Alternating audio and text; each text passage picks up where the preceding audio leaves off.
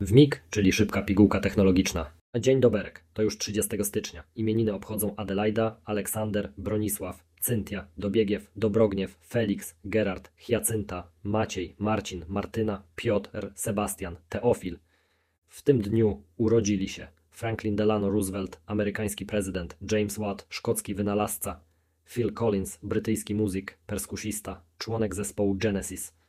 177 lat temu mała osada Yerb Buena zmieniła nazwę na San Francisco.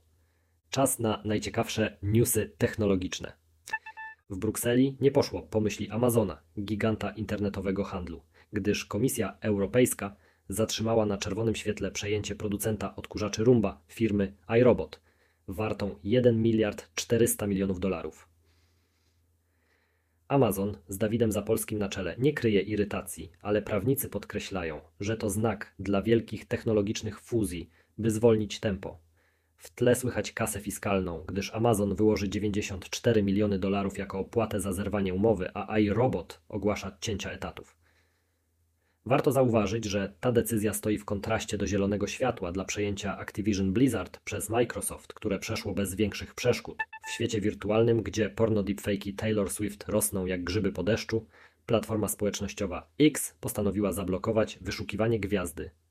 To ruch w odpowiedzi na alarmujące raporty firmy analitycznej Sensity i ostrzeżenia FBI przed ryzykiem sextortion.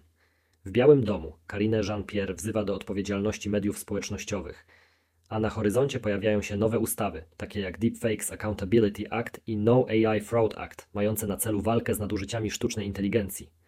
Nawet Biały Dom z Joe Bidenem na czele wydaje rozkazy wykonawcze, by stawić czoła nadużyciom AI i internetowemu nękania. Żyjemy w świecie, w którym nawet przeglądarki piszą za nas. Google Chrome wprowadza asystenta AI, który może zalać internet treściami wygenerowanymi przez sztuczną inteligencję. Z dominacją Chrome na rynku, oryginalne treści pisane przez użytkowników mogą stać się rarytasem. Czyżbyśmy byli świadkami narodzin internetowego węża, który pożera własny ogon? Jedno jest pewne, liczba spamu nie zmniejszy się. Kalifornijski startup iDash właśnie zgarnął 50 milionów dolarów na rozwój swojej sztucznej inteligencji i technologii satelitarnej, by wypatrywać ryzyka pożarów lasów. Inwestycja ma na celu wsparcie energetyki w przystosowaniu się do zmian klimatycznych.